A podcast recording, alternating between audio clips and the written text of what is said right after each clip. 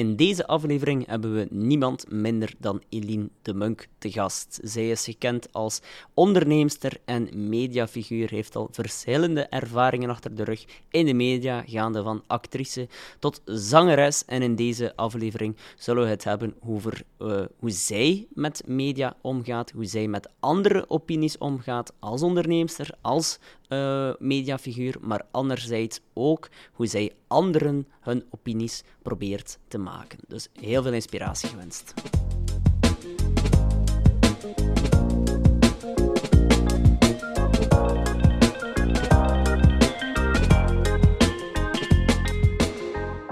Welkom bij een nieuwe aflevering van de podcast Opiniemakers. En deze keer hebben we een echte topper uh, in onze studio. En uh, niemand minder dan Eline de Munk van het uh, bekende brillenmerk Odette Lunet. En ook uiteraard een mediafiguur.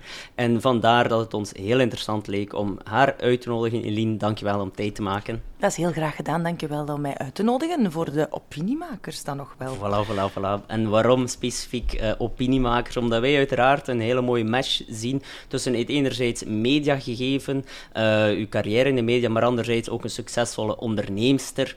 En ik kan mij veronderstellen dat het enerzijds een voordeel is, dat u al een bepaalde bekendheid eh, genereert, maar anderzijds ook een groot nadeel. Hoe gaat u zelf om met uw rol als opiniemaakster en onderneemster? Goh, het is in eerste instantie een groot voordeel, wat ik ook heel graag wil erkennen. Want heel veel mensen denken dat ik dat niet wil erkennen. Die hebben dan zoiets van, ja, maar ja, voor u is het wel heel gemakkelijk om, uh, om een brillenmerk uh, te starten. En dan denk ik, ja, maar 1 plus 1 zou in het beste geval 11 moeten zijn. Zelfs 3 is te weinig. Uh, en zeker geen 2. Want anders moeten die beginnen met, met, met een onderneming te starten als je geen USP hebt, als je geen onderscheidende factor hebt. En in mijn geval was dat het feit dat ik het meisje met de bril op tv was. Ja, dat is zo gegroeid uh, omdat er geen vrouw was op televisie met een bril. Dus ik had dan zoiets van, ik kan niet tegen lens en ik moest op een bepaald moment een bril dragen. Ik dacht, ja, ik moet, daar, ik moet mij daarmee gaan onderscheiden natuurlijk. En er kwam zoveel respons op dat ik echt een, een, een, gedeelde frustratie voelde met heel veel mensen.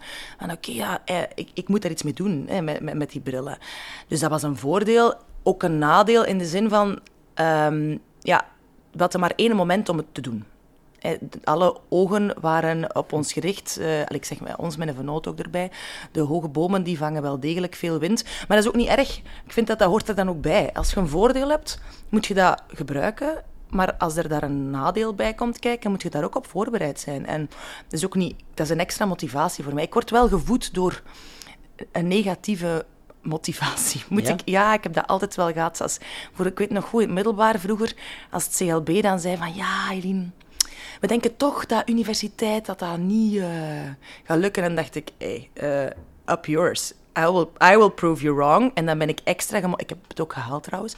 En ben ik extra gemotiveerd om dat wel te doen. En soms vind ik dat wel verontrustend. Ja, en um, ja, je zegt dus je haalt negatieve energie uit de vele zelfverklaarde opiniemakers. Want natuurlijk, als je een bekendheid bent, dan krijg je ook gigantisch veel bagger. De mensen die denken in de luie zetel dat het allemaal zo makkelijk is. Mm -hmm. Maar dat, dat geeft je net energie. Goh, nee, dat geeft mij... Het, het, het motiveert mij, um, maar het blijft wel vertrekken vanuit iets negatiefs, natuurlijk. Hè. Dat, dat ga ik absoluut niet ontkennen. En ik voel ook, hoe, hoe ouder ik word, hoe meer dat, dat, dat die negativiteit dat daarin speelt, dat, dat, dat daarin zit, dat dat toch wel een rol speelt. Hè. Dat dat iets is wat dan toch wel een impact heeft op mij. Als ik dan van ergens terugkom, uh, een presentatie of een lezing of zo, en ik heb het gevoel gehad dat er toch wat negatieve negatieve energie ergens sluimerde in de zaal, dan merk ik wel dat ik dat wel meepak en dat ik daar, dat ik, dat, hmm. ik, word, ik, krijg er energie van, ja. maar het is wel negatief ja. geladen. dat is ook de reden dat ik eigenlijk gestopt ben met voor televisie te werken. Ah, ja, ik had zoiets van, ja, bon, eh, de, de mening van andere mensen over mij, ik was helemaal mezelf daar een beetje in, in verloren. Van wie ben ik nu eigenlijk? Ben ik nu die persoon? Of die? Of die? Of die? Of die zegt dat? Die, op een duur zei de, de kluts kwijt. En als je, ik ben opgegroeid op televisie. Hè ben beginnen werken voor tv als ik 18 was. Ik ben nu 34. Uh, dus ik heb toch een, een, een, een, zeker een twaalftal jaar zeer actief uh, voor tv gewerkt. En ik had zoiets van, ja, ik was echt een, een, leidend voorwerp. Ja, want dat was een van onze vragen inderdaad, uh, van hoe gaat u om met die twee rollen? En u heeft u ook gewoon gezegd van, kijk, zelf bij eventuele media-opportuniteiten gaat u eerder nee zeggen ja, dan ja. ik zeg tegen alles wat tv is nee. Want ze vragen mij nog wel eh, heel vaak, dan voel ik me wel vereerd, maar dan merk ik meteen van... Ik had onlangs op iets, op, iets, op De Slimste Mens ja gezegd. En ik, ik werd s'nachts wakker met hartkloppingen, badend in het zweet. Ik dacht, nee, nee. Dus ik heb teruggebeld naar hier. Ik heb gezegd, ik ga dat niet doen. Mhm. Omdat ik niet meer in die rol wil aanwezig zijn. Ik vind het heel leuk om op een podium te staan. Dus ik doe nog heel veel bedrijfspresentaties, heel veel lezingen, ehm, heel veel shows ook. Ik heb nog een culturele centra tour gaan. Ik ga volgend jaar ook nog een grote musical doen. Amai. Omdat je dan een publiek hebt dat daar aanwezig is. Dus je voelt de energie die in de zaal zit en je kunt daarmee, je kunt daarmee interageren. En, Ja. en als dat, als dat een, een- een scherm is en je weet niet wie er kijkt, of, dan merk ik dat ik daar ehm, geen zin meer in heb. En was dat puur om, vanwege die, die motivatie, of eerder ook vanuit de nadelen als onderneemster die je daarmee ervaarde?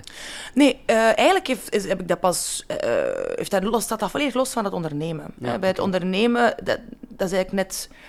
eh, als ondernemer eh, gaat het over iets wat niet wat buiten mezelf staat. Hè. Eh, als Eline de Munk komt al die iets, als iets van, van bij mij uit vertrekt vanuit iets positiefs, wil dat niet zeggen dat dat bij iemand anders als positief aankomt. Dat, dat kan een andere perceptie hebben. En dat, dat, maakt, dat maakte mij als persoon aan de ene tijd heel onzeker, omdat ik dacht, ja, maar wow, ik, ik heb toch een positieve bedoeling. Hoe komt dat dat de perceptie, de algemene perceptie van de mensen helemaal anders is? Terwijl als dat gaat over een product, iets wat buiten mijzelf is, is dat automatisch minder persoonlijk. Dus dan kan ik dat veel beter kanaliseren van, ah oké, we doen deze campagne en dat wordt zo... Dat, dat is niet, gaat niet over mijn persoonlijke gevoelens. Dat gaat over een product dat ik probeer neer te zetten in de markt, waar dan een strategie voor is. En er kan iets- iets gefaald zijn of iets positief. Ik heb heel veel geleerd vanuit mijn persoonlijke ervaring uit de, de media, van hoe dat perceptie, wat voor een lelijk beestje dat dat soms kan zijn. Maar als dat over een product gaat, voel ik, voel ik me niet persoonlijk ehm, aangevallen. Hè? Ja. Dus dat is een ander, een ander gegeven. Dus ik heb dat losstaand van mijn tv-carrière eigenlijk beslist van oké, ik wil stoppen met tv, omdat ik niet meer door, door de algemene perceptie wil eh, bekeken worden, maar dat dat met een product is, dat Ja. losstaat van mij. Maar langs de, andere, langs de andere kant hebt u misschien ook media iets minder, als ik het zo mag zeggen, nodig, omdat u een heel grote fanbase hebt op sociale media. Ja, en dat is ook iets wat vroeger niet bestond. Hè. Ik herinner me nog heel goed, als, als ik eh, nog best jong was, dat er dan gebeld werd naar mijn, mijn huidige, allee, mijn toenmalige vriend, zijn ex-vrouw op haar werk, om te vragen of, dat, of dat ik de reden was dat ze uit elkaar waren. Echt van die, van, of mensen die dan op vakantie foto's hadden genomen en die hadden doorgestuurd naar de, naar de magazines. Van, eh, ja, Eline, we weten dat je een nieuwe vriend hebt. Ik zeg, ja, nee, dat is niet zo. Jawel, want we hebben foto's en we, we gaan het publiceren. En, Dat is dan de Die- vakpers waarschijnlijk. ja, maar die macht heeft de media niet meer. ja, ja. Die macht heeft de media. En je voelt dat ook. De, de, het, er is een veel grotere ehm, onderdanigheid van de pers nu naar de gezichten, omdat die gezichten zelf veel meer eh, waarde hebben. En, en je kunt, een, een, een, ehm, kunt nog wel een verhaal gaan doen in de pers. Het is nog wel belangrijk of leuk om ook wel eens een interview te doen. Zeker ook voor mij als ondernemer, om, om af en toe nog wel eens in de vakpers eh, aanwezig te zijn en mijn verhaal te kunnen doen. Maar ook bijvoorbeeld als ik dan... eh, Ik ben getrouwd eh, anderhalf jaar geleden. Als ik dan merkte van, ah, oei, ze beginnen het hier te weten. Ja, dan heb je wel zelf het eerste woord. En dus ook het laatste. Hè? Ja. Omdat je zelf je eigen verhaal kunt brengen. En, en je hebt media dus niet meer zo hard nodig om gemaakt te worden. Wat ik heel interessant vind, omdat, en ook wel iedereen zijn stem is, kan even luid zijn, wat soms nadelig is, omdat sommige mensen hun stem beter niet zo luid is als die van anderen. Ehm, is mijn opinie dan. Ehm, maar je kunt ook veel talent komt wel sneller bovendrijven. Vroeger was het aan de hand van een paar mensen die iets in u moesten zien en die u een kans moesten geven. Maar er waren maar super weinig plekken. Nu zijn er, eh, ook als je dat bijvoorbeeld vergelijkt, als je vroeger op tv kwam, kende iedereen. ik- ik- als ik tien jaar geleden op tv kwam, ja, er waren vijf zenders. Dus iedereen kende nu als je iets op tv had gedaan. Nu is dat totaal niet zo. Hè? Als je Ja. nu naar iets, iets ergens ik keek onlangs naar, ik weet zelf niet meer welk programma het was. Het zat vol met mensen die ik nog nooit had gezien. En die allemaal een grote fanbase hebben. En, en dat vind ik wel boeiend. De media is veel diverser. Ja, ja, veel meer verschillende kanalen. Niet alleen de traditionele media tussen aanhalingstekens, maar ook uh, TikTok vandaag. Ja. En onlangs, uh, het was om de slimste mensen uh, te ja. refereren, had ik ook een, vorig seizoen heel veel mensen in slimste mensen die ik nog nooit had gezien en dan opzocht. Bijvoorbeeld een Bokkie de Rapper, ja. die, die had blijkbaar een hele grote fanbasis op YouTube, maar die ken ik persoonlijk niet. Ik ben nu ook wel beginnen volgen. Maar hij is wel een mooi voorbeeld van inderdaad die macht die veel meer in diverse kanalen zit. En dat is belangrijk het wordt meer persoonlijk gedreven. Ook nu bijvoorbeeld op Instagram, dat je niet meer altijd ziet hoeveel likes een foto heeft. Ik vind dat fantastisch. Mhm. Omdat dat veel minder gaat zorgen dat je iets leuk gaat vinden omdat het veel likes heeft. Je eigen mening wordt terug meer belangrijk, omdat je niet ziet van, is dat nu populair, is dat nu niet populair? Maar maakt niet meer uit. Het gaat over meer je eigen visie op de mhm. dingen. Ik kan me wel voorstellen dat je om het over je eigen opinie te hebben, dat je toch wel altijd drie, dubbel, vier keer zoveel nadenkt voor iets publiceert. Ja, en dat vind ik eigenlijk heel vervelend. Uh, omdat dat ja, wegneemt wat dat je echt denkt. Hè. Ik vind, je moet uiteraard uh, nadenken. Uh, en, en het is belangrijk als je, als je een publiek figuur zijt, of als je een, een stem hebt die gehoord wordt, dat je nadenkt over wat je zegt en dat je daar ook sociaal verantwoorde boodschappen insteekt, die ik zelf ook heel belangrijk vind, uh, voor alle duidelijkheid. Ik vind sociaal uh, verantwoord nadenken heel belangrijk en daarin een mening uiten zeer belangrijk. Um, ik woon in Molenbeek. ik heb een 3D-geprinte bril in België geproduceerd, uitgebracht. Wij doen aan sociale economie in ons bedrijf. Ik vind dat heel belangrijk. Um, maar daarnaast ja, moeten ook nog wel altijd een toffe foto kunnen posten als je een beetje dronken bent op Tomorrowland. Because it's also reality. Mhm. En de een kan absoluut wel samengaan met het ander, zonder dat je dan in een hokje geplaatst moet worden. En een tijdje terug had je ook een, uh, uh, heb je zelf de toenmalige eerste minister kunnen overtuigen om een van de, uw brillen te dragen. Van, uh, ja, hoe kreeg je dat voor elkaar? Um, lobbyen, lobbyen. Nee, dat is niet waar. Dat is niet waar.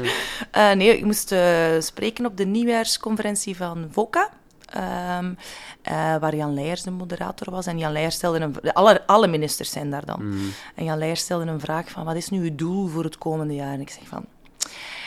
Ik vind persoonlijk dat de eerste minister van ons land, die ons land overal gaat vertegenwoordigen in deze wereld, die met zijn gezicht overal visibel is, ja, dat hij een Belgisch product op zijn neus moet hebben staan. Het is bovendien nog eens een liberaal ook. Mhm. Ja. Voor de ondernemers. Ik vind dat dat niet kan, dat hij geen Belgisch product... Ik zeg, hij moet geen bril van mij zijn. Dat is, niet, dat, is niet, dat is ook absoluut niet mijn doel. Maar wel dat als je land gaat vertegenwoordigen ergens anders, dat je trots bent op de producten die je land zelf maakt. Als je ziet wat er ook gebeurt in de, in de economie, niet alleen de ondernemers zelf, maar ook echt de consumenten. Ik koop Belgisch, eh, ik produceer Belgisch. Er, wordt, er is veel meer chauvinisme als het gaat over de eigen producten. En dat is ook belangrijk. Als we willen dat de economie kan overleven en dat niet alleen nog maar de zeer grote mastodonten van spelers worden die in straatbeeld opduiken eh, als, als, als winkels dan moet dat ondersteund worden. En er zijn heel veel Belgen die dat zien, maar onze politici zouden dat godverdomme toch ook wel mogen zien. Hè? Dat is, Goeie voorbeeld. Ik vind dat wel, ja. En dan stelde Jan, dan moest uh, meneer uh, Michel zelf spreken daarna. En hij stelde dan een, een, een lastige vraag, Jan Leijers. En dan zei hij, ik ga deze jaar starten met een betere visie. Ik ga naar deze meisje luisteren en een bril dragen van haar.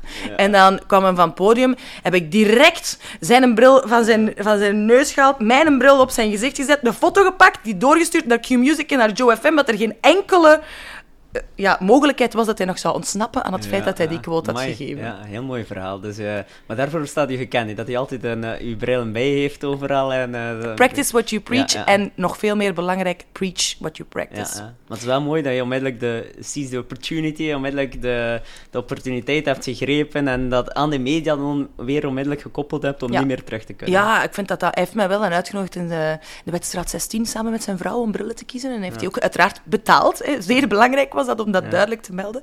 Maar ik, zo gaat het als je gelooft in je eigen verhalen en in, uh, of dat dan nu als er maar liefde in zit, hè, als er maar een, een hart in zit. Hè. Jamie Foxx draagt ondertussen brillen van ons, Dua Lipa, de, Angèle, uh, er zijn wel wat, uh, wel wat sterren die er mooie eentje autoriteiten. Hè? Vanuit psychologie en opiniemakers, hoe een merk sterk wordt gecreëerd, als natuurlijk bekende mensen... Ja, en dat is het voordeel dat we ook hebben. Hè. Dat is ook, allee, dat, dat, daar zullen misschien mensen aan het luisteren en die zeggen, ja, maar ja, dat is toch wel gemakkelijker voor u dan voor mij? Nee dat is niet zo. Je moet gewoon gaan en in jezelf geloven. En, en daar start het. Heel veel mensen geloven. ja, mensen geloven heel vaak niet genoeg in zichzelf. Denken van, oh, ik zou naar New York kunnen voor die modeshow te stylen. ik, ga, dat dan niet doen, want dat kost weer geld en ik weet niet wat de return on investment gaat zijn. Oh, ja, als je het dan niet doet, ja, dan gaat er natuurlijk niks gebeuren. hè? Mhm. En uh, u, u werkt samen nog met nog uh, andere merken ook. Uh, een, Samsung ehm, bijvoorbeeld. Ja. Zijn dat zaken waar je zeer goed over nadenkt? Ik vermoed van wel. Ja, en ik moet ook zeggen dat er sinds COVID heel wat veranderd is in de manier waarop dat brands kijken naar samenwerkingen. Je voelt dat er veel meer opportuniteit gezocht wordt in samenwerkingen, wat ik fantastisch vind. Want vroeger zou het veel moeilijker zijn om als jong merk uh, een samenwerking te kunnen aangaan met een Samsung of, of een BMW of uh, um, Moët Chandon uh, of Imperial Heritage Caviar. dat zijn merken die zich moeilijker zouden linken aan, aan jonge brands. En nu wordt er echt wel gezocht naar... Kijk, je kunt ofwel adverteren online, waarbij dat je vooral je eigen audience gaat aanspreken, of je kunt gaan samenwerken en dus ook profiteren, tussen aanhalingstekens, van elkaars audience. Omdat je ja, verbindend bent, omdat je laat zien aan, aan je eigen audience dat er eigenlijk een, een, een, een toffe um, ja, manier is waarbij dat die twee merken aan elkaar gelinkt worden en dat die brand versterkend werkt ook op die manier.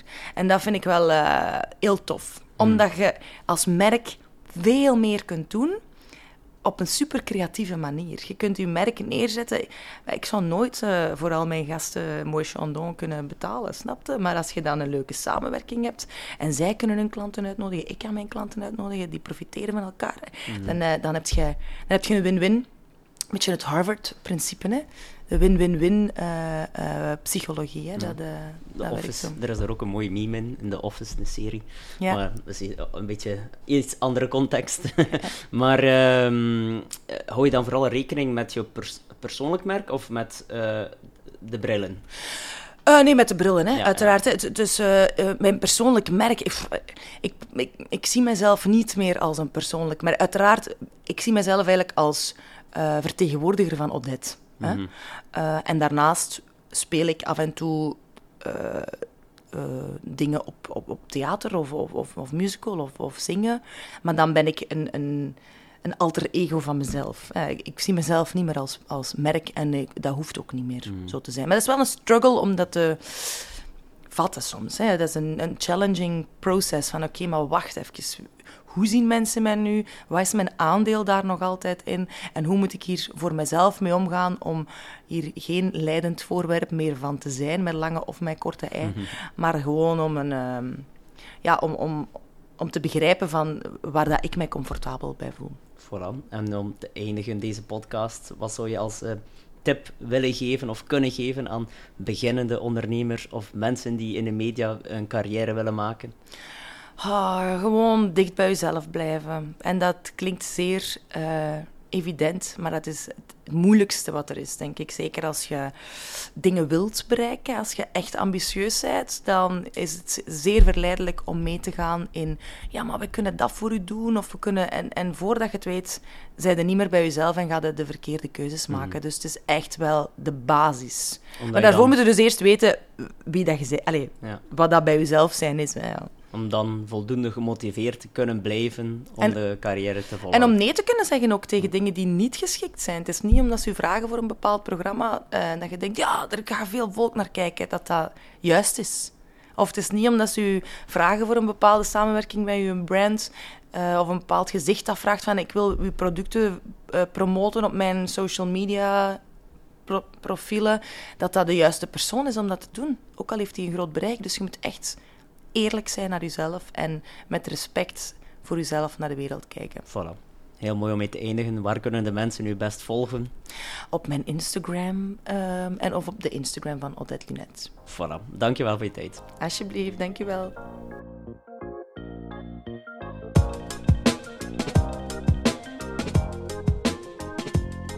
Hopelijk vonden jullie deze aflevering net zo boeiend als ik zelf. En wil je meer informatie, dan raad ik uiteraard onze website aan www.exposure.be. Je vindt daar gratis e-books, onder andere over nudging, politieke marketing en nog andere zaken. Of je kan je ook inschrijven voor een van onze gratis webinars. En uh, zo niet, dan kan je uiteraard ons altijd contacteren via de verschillende sociale media. Heb je vragen, heb je feedback, heb je inspiratie? Aarzel niet om ons te contacteren.